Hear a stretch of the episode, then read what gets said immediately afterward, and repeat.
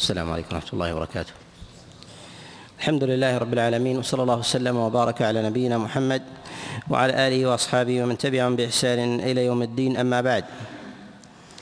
ففي هذا المجلس الخامس والعشرين من شهر محرم من العام السادس والثلاثين بعد الأربعمائة والألف نكمل شيئا مما تبقى من أحكام سورة النساء. وتكلمنا في المجلس السابق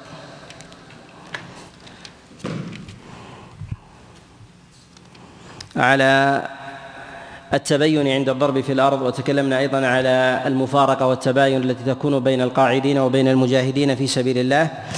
وفي هذا المجلس نتكلم على قول الله سبحانه وتعالى إن الذين توفاهم الملائكه ظالمي أنفسهم. هذه الآية نزلت في بعض من أظهر إسلامه في مكة ولم يلحق برسول الله صلى الله عليه وسلم مهاجرا فوصفهم الله عز وجل بظالم أنفسهم. والسبب في ذلك أنهم عصوا أمر رسول الله صلى الله عليه وسلم بامتثال أمره. والأمر الثاني أنهم كثروا سواد المشركين بعددهم.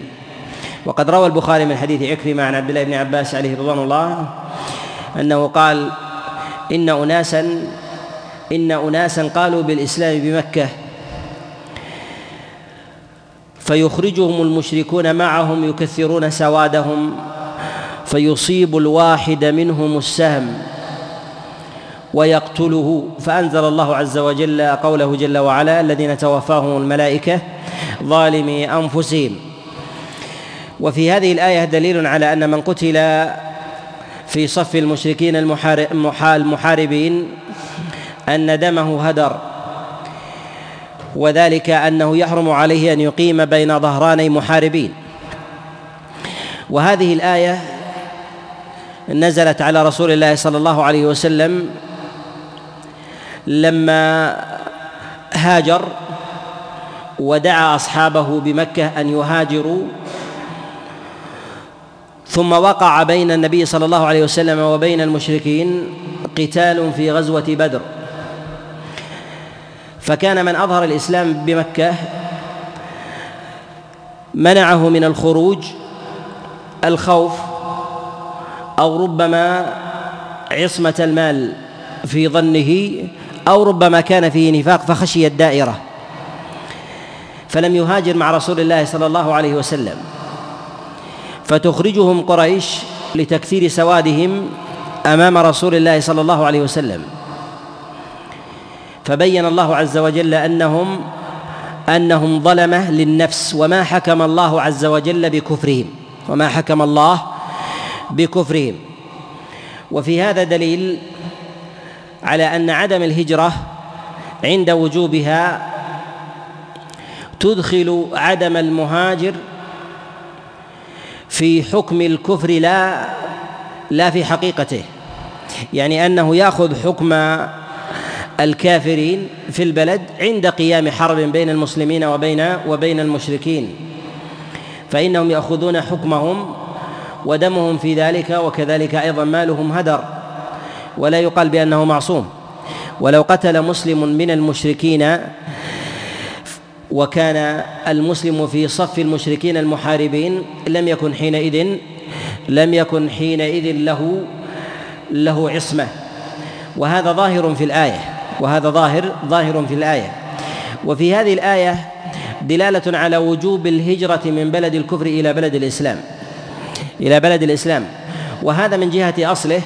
ثمة مواضع يتفق العلماء عليه وثمة مواضع يختلفون فيه إلا أنهم يتفقون على مشروعية ذلك.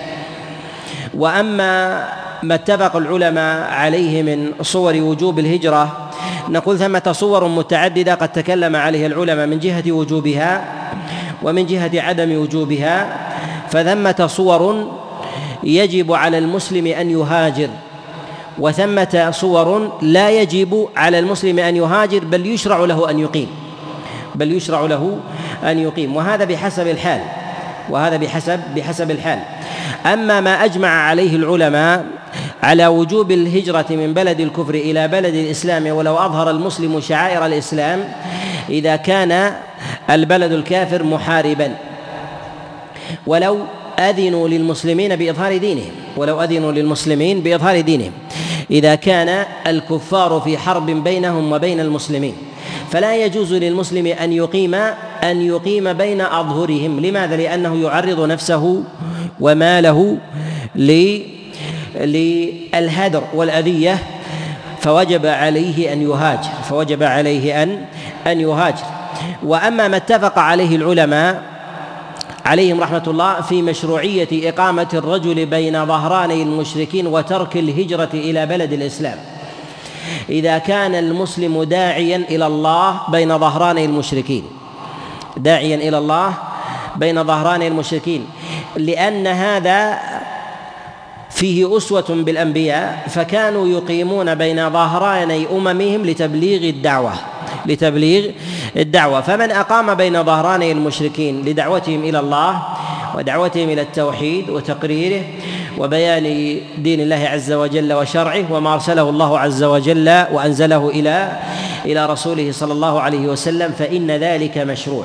وقد يجب في أحوال وقد يستحب وقد يجوز وقد يجوز بحسب بحسب الحال وأما ما وقع فيه خلاف عند عند العلماء فهو إقامة المسلم بين ظهراني المشركين إذا كان يظهر دينه يعني يأذن المشركون له بإظهار دينه. فهل يجب عليه أن يهاجر من بلد الشرك إلى بلد إلى بلد الإسلام؟ اولا يجب أن يعلم أن الشريعة إنما جاءت بمشروعية الهجرة لسببين لسببين. السبب الأول لأجل العمل لأجل العمل وإقامته. والمراد بالعمل هو إقامة شرائع الدين والعمل الذي أمر الله سبحانه وتعالى به من الأعمال الظاهرة والأعمال والأعمال الباطنة. فهذا من مقاصد الهجرة. فإذا منع الإنسان منها وجب عليه أن يهاجر إلى إلى إلى بلدان المسلمين لإظهارها. وذلك من العبادات اللازمة والمتعدية. العبادات اللازمة التي تقوم في ذات الإنسان تقوم في ذات في ذات الإنسان من الذكر والصلاة والصيام فهذه عبادات لازمة أو متعدية وذلك كالزكاة كالزكاة. كذلك أيضا الأمر بالمعروف والنهي عن المنكر والدعوة إلى الله فهذه متعدية فهذه متعدية. كذلك أيضا العبادات الظاهرة والباطنة العبادات الظاهرة وهي متنوعة. رفع الأذان بناء المساجد صلاة الجماعات كذلك أيضا بالنسبة للمرأة حجابها وغير ذلك من من الأحكام الشرعية الظاهرة. والغالب أن الباطنة تبع للظاهرة. فإذا أقيمت الظاهرة فإن الباطنة تقام في الأغلب. فإذا أقيمت هذه الشعائر في بلد من بلدان الشرك هل يجب على المسلم أن يهاجر؟ أم لا؟ نقول الشريعة قد شرعت الهجرة لسببين لأجل العمل ولأجل البلد لأجل العمل ولأجل ولأجل البلد. يتفق العلماء على وجوب الهجرة إذا لم يستطع الإنسان أن يقيم عمله واختلفوا إذا أقام عمله في بلد مشرك. إذن فاختلفوا في السبب الثاني اختلفوا في السبب والعلة الثانية. مع اتفاقهم على مشروعية الهجرة لا على وجوبها. لا على لا على وجوبها. اختلفوا في هذه المسألة في هذه المسألة على على أقوال جماعها في قولين جماعها في قولين. قول جمهور العلماء إلى إلى تأكيد الهجرة إلى تأكيد الهجرة وعدم وجوبها وعدم وعدم وجوبها. قالوا وذلك أنه إذا أظهر دينه وأقام شرعة الله عز وجل في بلد من البلدان فإنه لا يجب عليه لا يجب عليه أن يهاجر لأن الهجرة إنما جاءت مع التضييق على إقامة دين الله سبحانه وتعالى وشرعه إقامة دين الله عز وجل وشرعه. القول الثاني قالوا بالوجوب. قالوا بالوجوب لأن الله سبحانه وتعالى أمر بالخروج من بلد الكفر إلى بلد إلى بلد الإسلام إلى بلد الإسلام. ونستطيع أن نقول إن التفصيل في هذه المسألة أولى إن التفصيل في هذه المسألة أولى. والتفصيل في ذلك أن يقال أن من استطاع أن يقيم دينه في بلد في بلد كفر فهو فهو على حالين.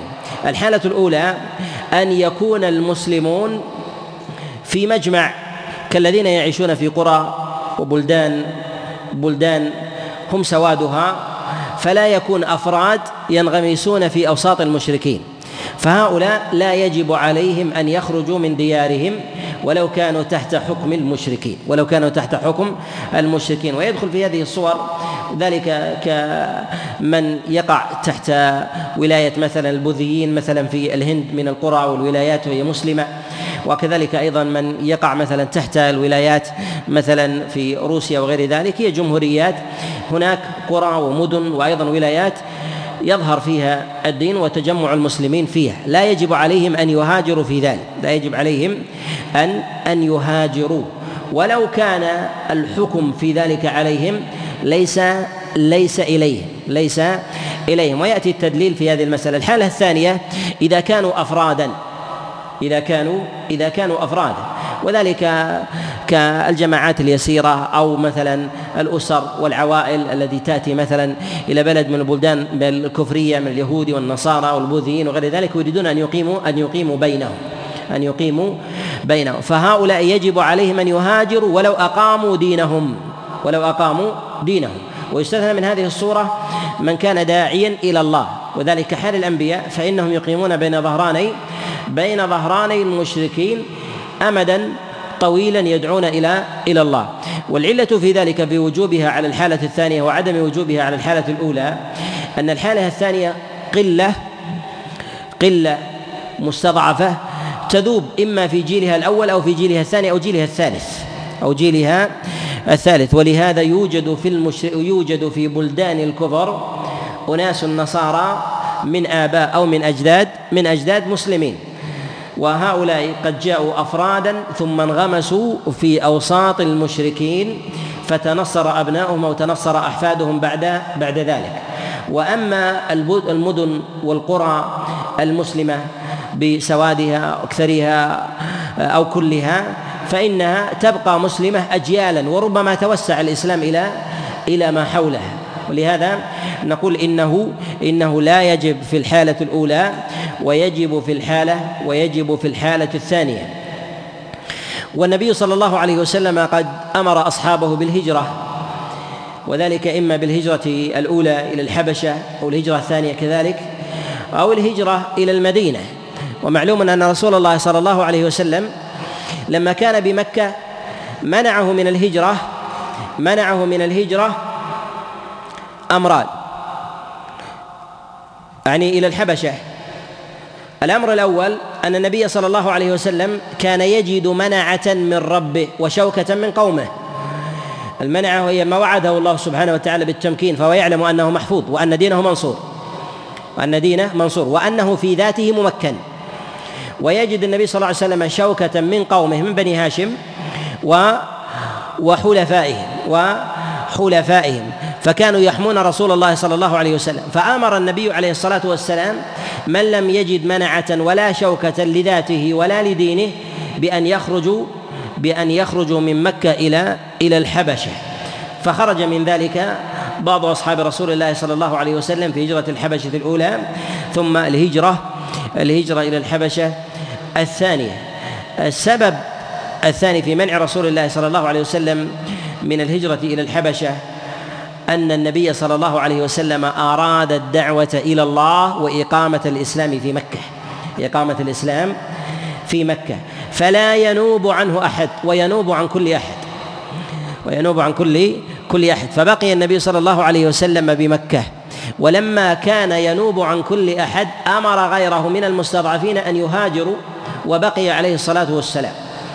ولما ضاق الأمر على هذين السببين على هذين السببين الشوكة من جهة قومه وكذلك أيضا ضيق عليه في إقامة دينه أمره الله بالهجرة إلى المدينة. ولو كان لديه منعة وحفظ من ربه لأن حفظ ذاته لا يعني من ذلك قيام دينه في الناس. لا يعني قيام دينه في الناس. فأمره الله عز وجل بالهجرة إلى المدينة حتى يقيم الدين في الناس فيها. فنقول إن العلة التي أمر رسول الله صلى الله عليه وسلم أصحابه بأن يهاجروا أن يهاجروا من مكة إلى إلى المد... إلى الحبشة العلة في ذلك أن يقيموا شعائر الدين. والعلة في هذا أن أن الصحابة ما كانوا يقيمون يقيمون الشعائر في مكة ما كانوا يقيمونها في مكة.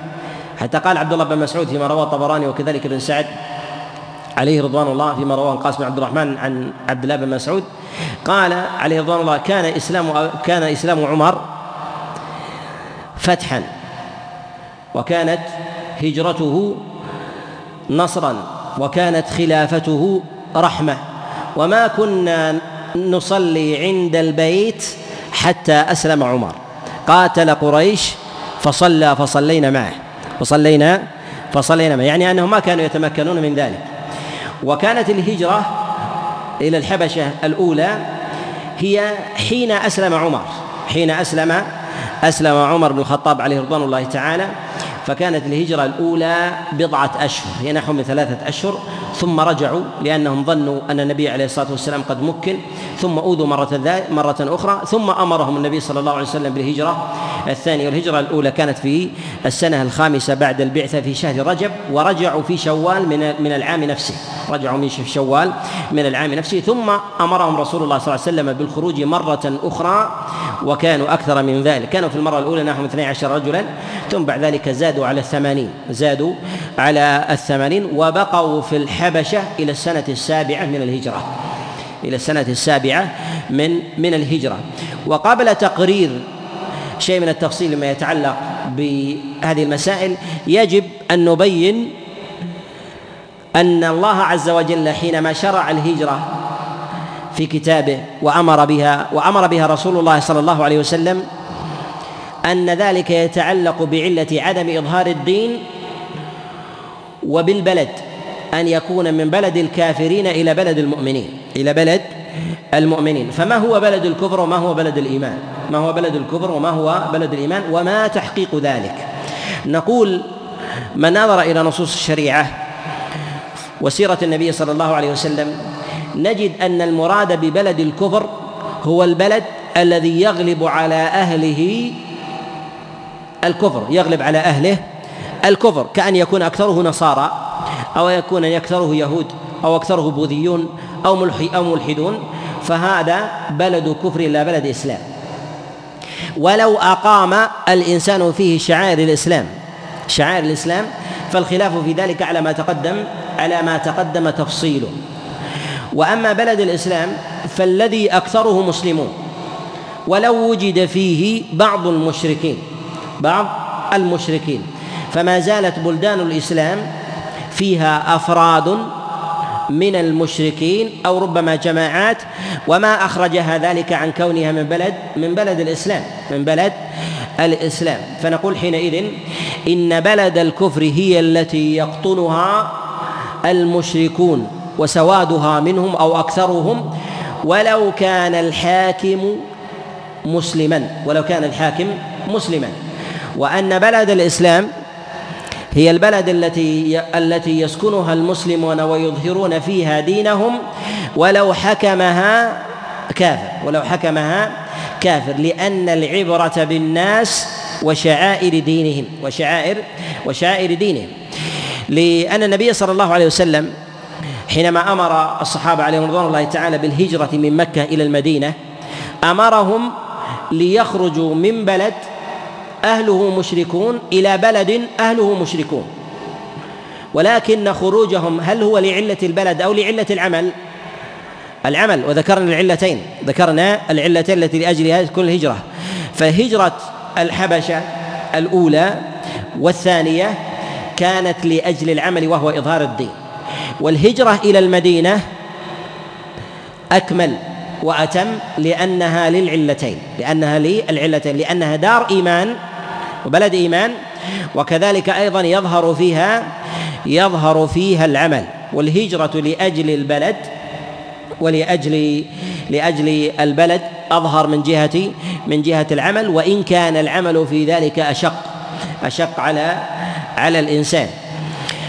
ويدل على هذا أن العبرة بالشعوب وليست العبرة بالحكام أن النبي صلى الله عليه وسلم أن النبي صلى الله عليه وسلم ما جعل الأمر يتعلق بالنجاشي ما جعل الأمر يتعلق بالنجاشي وإنما جعل الأمر يتعلق بالعمل الذي يظهر. ولو كان مناط الوصف للبلدان بالحاكم فوجب حينئذ فوجب أن أن يكون في ذلك مانعا من من الهجرة إليه من الهجرة إليهم فنقول حينئذ إن البلد إنما يوصف بالإسلام ويوصف بالكفر لأهله لا لا بنوع حكامه لا بنوع حكامه. لأنه قد يكون بلد كفر ويحكمه مسلم كحكم النجاشي على ما تقدم. فالنجاشي أسلم النجاشي أسلم وصلى عليه النبي صلى الله عليه وسلم. وكان إسلامه قبل فتح مكة قبيل فتح مكة في السنة الثامنة وقيل وقيل في السنة في السنة التاسعة. فبلده هي بلد بلد كفر ولكنه حاكم مسلم ولكنه حاكم حاكم مسلم. وثمة أيضا مسألة وهي مسألة الحكم الحكم. قد يكون ثمة حاكم لا يحكم بالشريعة لا يحكم بالشريعة على على المحكومين من المسلمين على المحكومين من المسلمين. فهل عدم حكمه موجب لوجوب هجرة أهل ذلك البلد منها أم لا؟ نقول أولا فيما يتعلق بكفر الحاكم وعدمه فقد مر على أمة الإسلام قرون. كان في بعض بلدان الإسلام من ظهر من الحكام كفره وذلك مثلا في الدولة البويهية فقد تولى في ذلك معز الدين البويهي على العراق كذلك أيضا الدولة العبيدية الفاطمية. وكان أئمة الإسلام فيها وما قال أحد منهم بوجوب الهجرة الهجرة من تلك البلدان لأن كفر الحاكم لا يعني تحول الدار من دار إسلام إلى دار إلى دار كفر. وبقيت في ذلك عقودا وربما وربما قرونا وربما قرونا. ومن نظر في تلك القرون وتلك العقود وجد أن ثمة أئمة من أئمة من أئمة السنة والهدى في تلك في تلك الحقب والأزمنة. وأما ما يتعلق بالحكم فنقول إن الصحابة الذين أرسلهم رسول الله صلى الله عليه وسلم إلى الهجرة إلى الحبشة الهجرة الثانية بقوا فيها إلى العام السابع وما أرسل إليهم رسول الله صلى الله عليه وسلم يأمرهم ب يأمرهم بالعودة إلى المدينة بعدما هاجر رسول الله صلى الله عليه وسلم إلا بعدما نزلت الأحكام نزلت أحكام الشريعة وأقامها النبي عليه الصلاة والسلام سنينا في المدينة. وهم في الحبشة ما كان النجاشي يقيم ما كان النجاشي يقيم يقيم الأحكام. لعدم علمه بها لعدم علمه بها. فإنه إذا لم يبلغ الصحابة عليهم رضوان الله تعالى فإن غيرهم لا فإن غيرهم من باب من باب أولى. والنبي صلى الله عليه وسلم إنما علم إسلام النجاشي بالوحي. علمه به بالوحي. وما علمه عليه الصلاة والسلام بنقل الناس وأحاديثهم.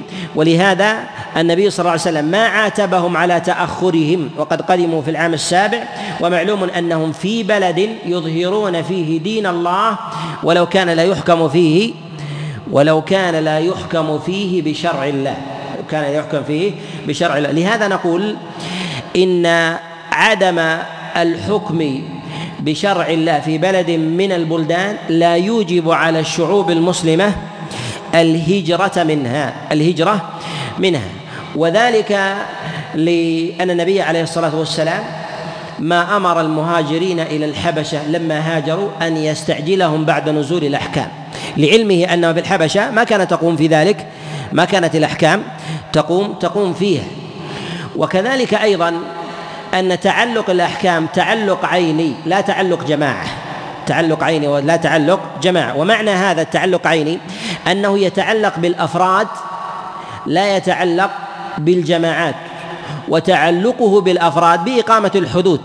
كالزاني يجلد وشارب الخمر يجلد والقاتل يقتل فهذه تتعلق في أفراد. فكم من الجماعات يحتاج إلى الحكم؟ فكم من الجماعات يحتاج إلى يحتاج إلى الحكم؟ فهذا أمر يتعلق بالفرد يتعلق بالفرد وله أحكام عند العلماء في من نزل مثلا أقام أو أصاب حدا في بلد لا يقام فيه حكم الله فماذا يفعل فيه؟ فماذا يفعل؟ يفعل فيه هذه لها لها مباحث وهي في وهي في أبوابها. ولهذا نقول لهاتين العلتين النبي عليه الصلاة والسلام ما استعجل الصحابة الذين هاجروا إلى الحبشه بعد نزول الأحكام إليه وإنما تركهم حتى جاء آخرهم في العام في العام السابع بل بعد فتح النبي عليه الصلاة والسلام لخيبر. حتى قال النبي صلى الله عليه وسلم لما فتح خيبر لا أدري أسر بفتح خيبر أو بقدوم جعفر.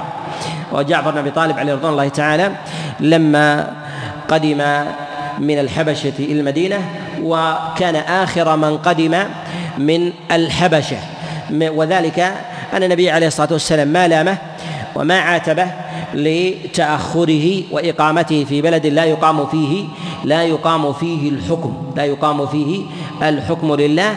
إذا أظهر الناس شعائر الدين إذا أظهر الناس شعائر الدين وذلك من الأذان بناء المساجد وإقامة الصلوات وغير ذلك من شعائر الدين اللازمة والمتعدية فهي على الحكم السابق.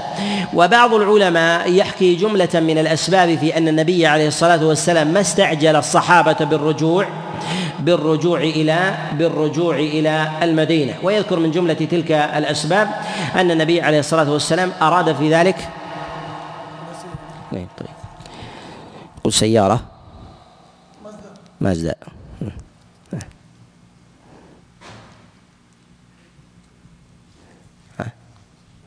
مازدا زول ولا زوم ولا زوم باء لام واو. خمسة آلاف ومائتين وأربعة.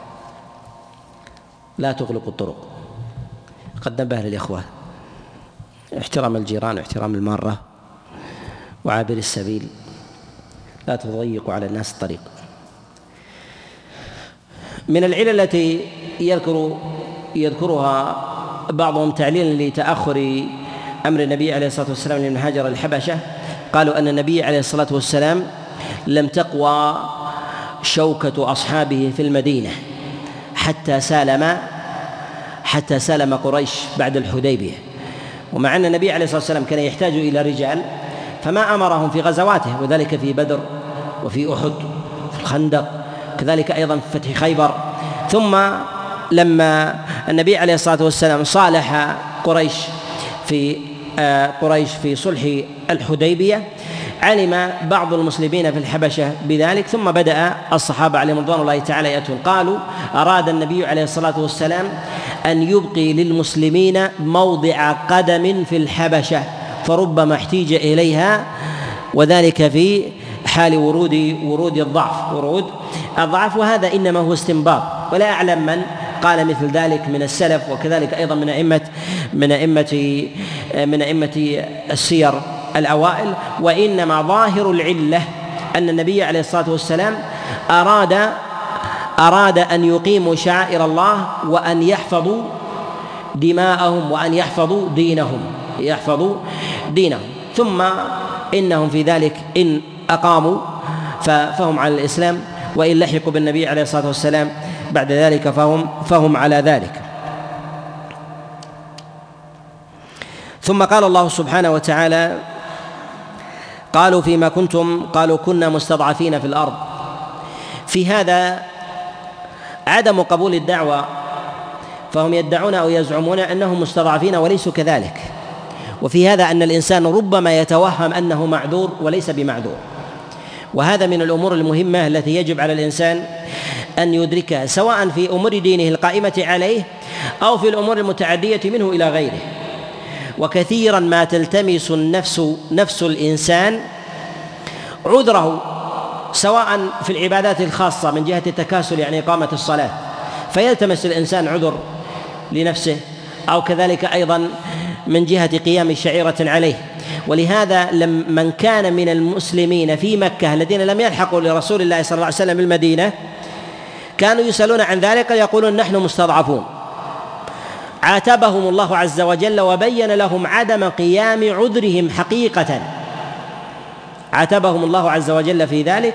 فقال الله عز وجل لهم ألم تكن أرض الله واسعة فتهاجروا فيها؟ يعني أنكم تملكون القدرة باللحاق بالنبي عليه الصلاة والسلام في المدينة ومقامكم في مكة ليس ليس ضعفا. فإنكم تجدون في ذلك سعة وتجدون قدرة وتجدون كذلك أيضا تجدون كذلك أمانة. وهنا في قول الله سبحانه وتعالى مستضعفين في الأرض. المستضعفون هم الذين لا يجدون زادا ولا يجدون أمان طريق ولا يجدون ملاذا من كفار قريش. فهذه أسباب ثلاثة. فمنهم من يجد ملاذ؟ من كفار قريش يستطيع الخروج لكنه لا يجد زادا. ومنهم من يجد الزاد ويجد الخروج والملاذ من كفار قريش لكنه لا يهتدي السبيل لا يعرف الطريق. فربما تاه في الأرض وانقطع به فمات. ولهذا هؤلاء مستضعفون. فمن وجد ملاذا من كفار قريش ووجد كذلك زادا ووجد سبيلا إلى المدينة فليس فليس من المستضعفين. ومن نقص فيه واحد من هذه الثلاثة فهو فهو من المستضعفين الذين رخص الله عز وجل لهم وعذرهم. ولهذا يقول عبد الله بن عباس عليه رضوان الله كما جاء في البخاري قال إني وأمي من المستضعفين. أنا من الولدان وأمي وأمي من النساء. قال ألم تكن أرض الله واسعة فتهاجروا فيها؟ فأولئك مأواهم جهنم وساءت وساءت مصيرا. وهذا تهديد ووعيد من الله سبحانه وتعالى لمن ترك الهجرة ممن أظهر إسلامه مع قدرته على ذلك. فتوعده الله عز وجل بالنار. ثم أيضا في ذكر الله سبحانه وتعالى للأرض الواسعة. كأن في ذلك إشارة إلى أن الهجرة أن يفر الإنسان إلى إلى أي مسلك يقيم فيه دينه ولو لم يكن إلى المدينة. ولو لم يكن إلى إلى المدينة. وهذا يتضمن الدلالة السابقة أن المسلم قد يهاجر من بلد كفر إلى بلد كفر ويسمى مهاجرا. ويسمى ويسمى مهاجرا. وهذا كما هاجر الصحابة من مكة وأهلها مشركون إلى الحبشة وأهلها مشركون. فسموا مهاجرين وسمي عملهم هجرة. وسمي عملهم وسمي عملهم هجرة. وهذا وهذا صحيح. وهذا صحيح ولا خلاف عند العلماء عند العلماء فيه. وهل يجوز للمسلم أن يهاجر من بلد إسلام لأجل أن يرفع ظلما نزل عليه في دنياه؟ إلى بلد كفر تحفظ دنياه ولا يستطيع أن يقيم دينه لا يجوز بالإجماع. لا يجوز بالإجماع. وذلك لأنه يحفظ دينه يحفظ دنياه ويضيع ويضيع دينه.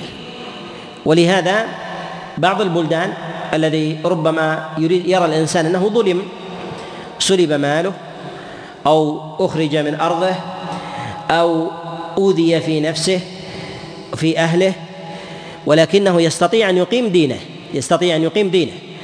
يسمع الأذان ويجيب الصلوات ويظهر شعائر الإسلام الظاهرة والباطنة فهل يخرج من بلد الإسلام إلى بلد الكفر الذي يحفظ دينه يحفظ دنياه ويضيع دينه؟ يحرم بالإجماع يحرم بالإجماع.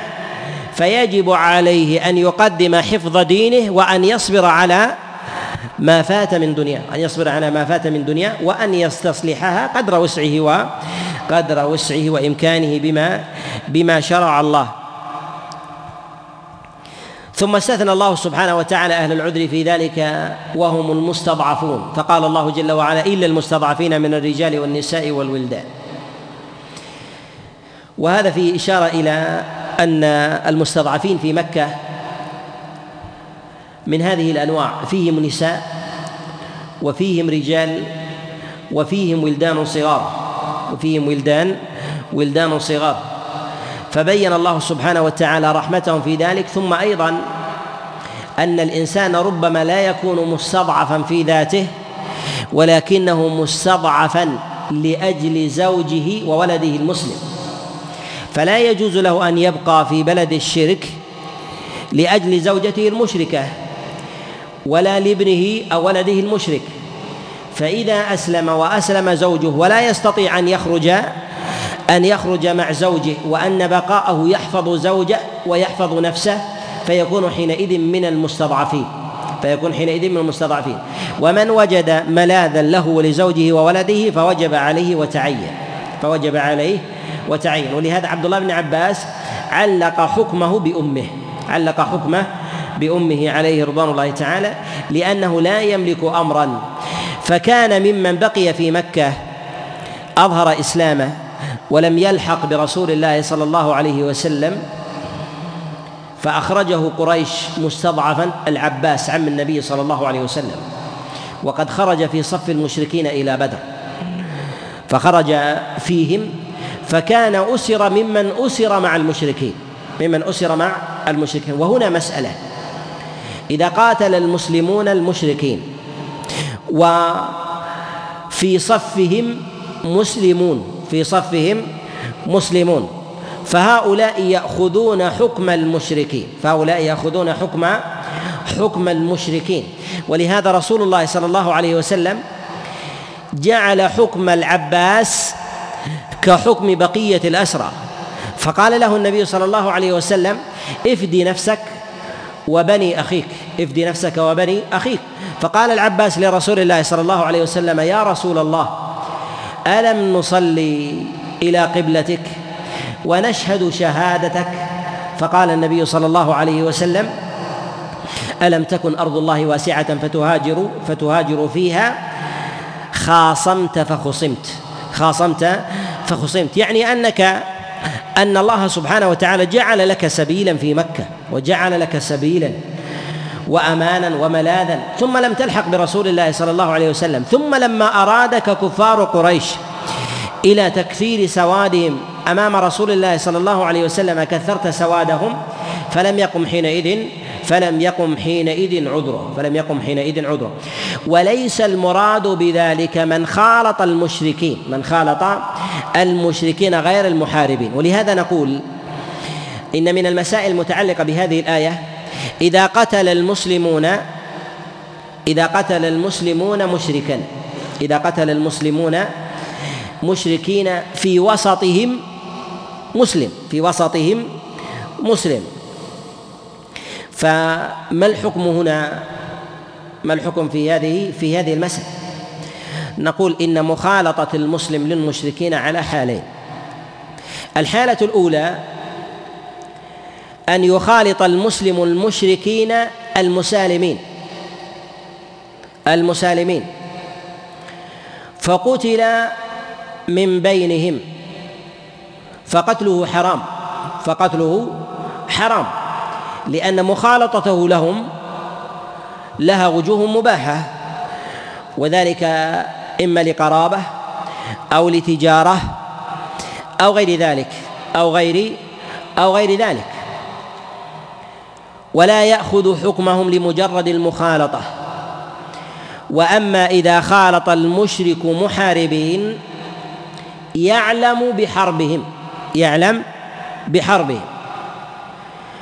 فقصدوا فقتل تبعا فدمه هدر كما أهدر النبي صلى الله عليه وسلم دم من قال بالإسلام وصف مع المشركين في بدر. وصف مع المشركين في بدر فأخذ حكمهم حين فأخذ حكمهم حينئذ. وأما ما جاء عند أبي داود في سننه من حديث سمرة بن جندب عليه رضوان الله أن رسول الله صلى الله عليه وسلم قال من جامع المشركين فهو مثلهم. جمع المشركين أو ساكنهم فهو مثلهم فهو حديث ضعيف فهو حديث ضعيف. وكذلك أيضا جاء نحوه عند عند الطبراني في كتابه في كتابه المعجم ولكن نقول إن هذه المسألة يفرق بين المحارب وغيره بين المحارب بين المحارب وغيره. وهنا ذكر الله سبحانه وتعالى سبب العذر والاستطاعة في قوله جل وعلا ولا يستطيعون حيلة لا يستطيعون حيلة ولا يهتدون سبيلا. قيل إن الحيلة هي الملاذ والفرار من كفار قريش فاستضعفوهم. والسبيل هو الطريق إلى المدينة. وما يتبع السبيل من زاده من زاد يوصل الإنسان إلى إلى المدينة. وإنما ذكر ذلك أن كفار قريش قد شدوا وطأتهم على المسلمين في مكة. فكانوا يمنعون أحدا أن يظهر الإسلام وأن يلحق بالنبي عليه الصلاة والسلام. بل كانوا يحاصرون حتى المهاجرين إلى الحبشة الأوائل. حتى جاء في قد ذكر ابن إسحاق وغيره أنه لما أمر النبي عليه الصلاة والسلام عثمان بن عفان ورقية بنت رسول الله صلى الله عليه وسلم وهي زوجة عثمان أن يخرجوا في بضعة عشر رجلا وامرأة إلى الحبشة تبعهم المشركون إلى جدة في البحر.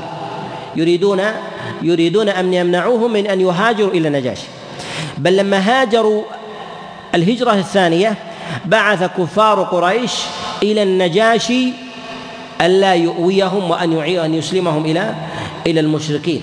وكان من وكان من مبعوث كفار قريش حينئذ عمرو بن العاص عليه رضوان الله تعالى ثم أسلم بعد ذلك وحسن إسلامه رضي الله رضي الله عنه.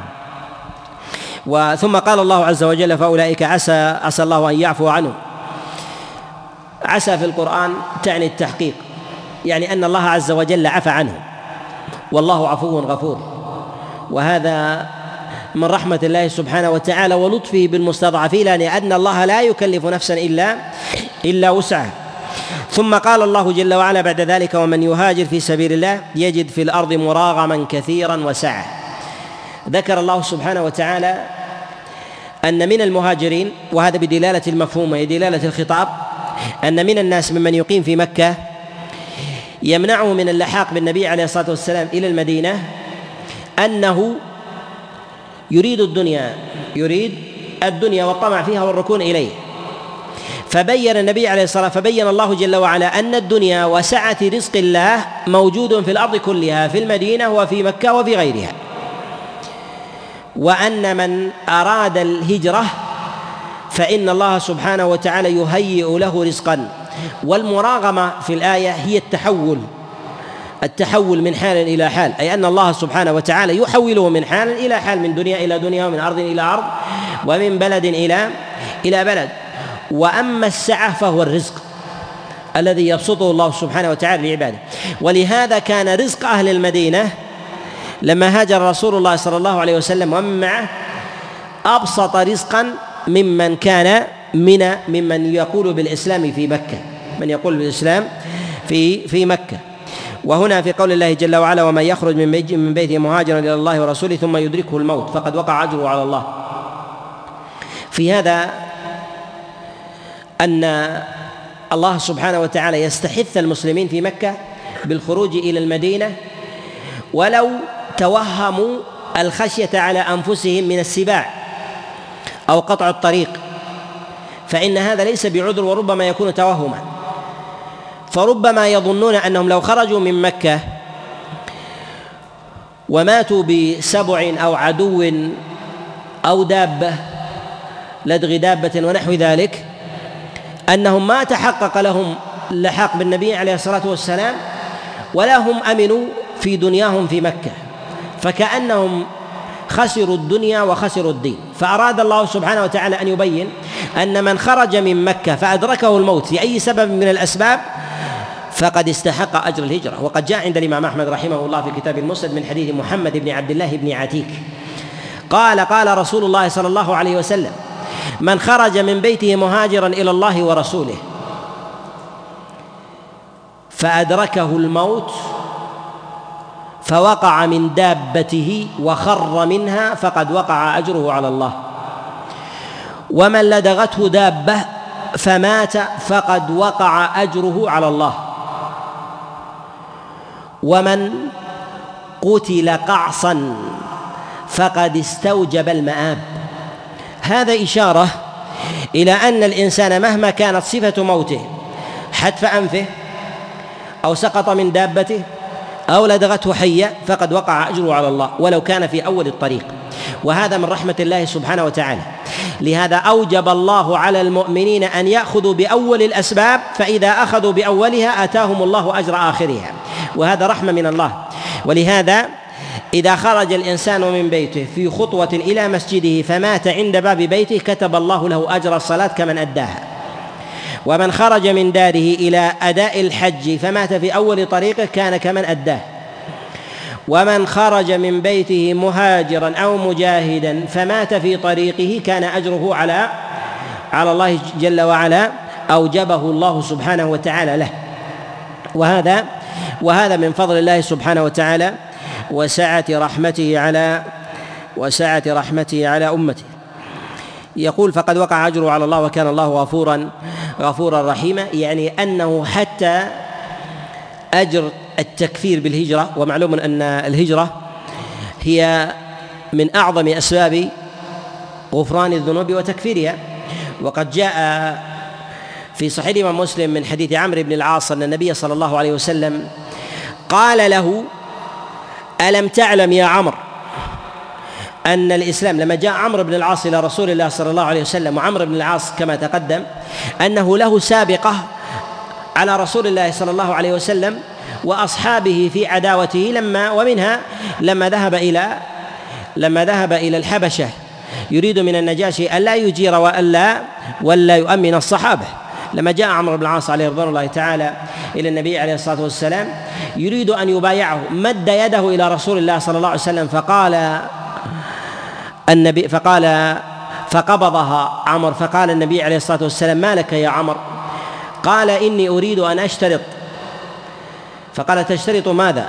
قال أشترط أن يغفر الله لي ما تقدم من ذنبي. فقال النبي عليه الصلاة والسلام ألم تعلم يا عمرو أن الإسلام يهدم ما قبله وأن الهجرة تهدم ما قبلها وأن الحج يهدم ما قبله وأن الحج يهدم ما قبله؟ وقد استوجبت هذه الثلاثة. قد استوجبت هذه يعني استوجبت هذه الثلاثة وذلك من فضل الله سبحانه وتعالى لعباده ومنته ومنته أن يوفق عباده على عمل صالح ومنهم لعملين ومنهم لأكثر من ذلك ومنهم لموجب ومنهم لموجبين ومنهم لأكثر لأكثر من ذلك. ونتوقف عند هذا القدر وأسأل الله سبحانه وتعالى لي ولكم التوفيق والسداد وأن ينفعنا بما سمعنا وأن يجعله حجة لنا لا علينا. إنه لذلك والقادر عليه صلى الله وسلم وبارك على نبينا محمد.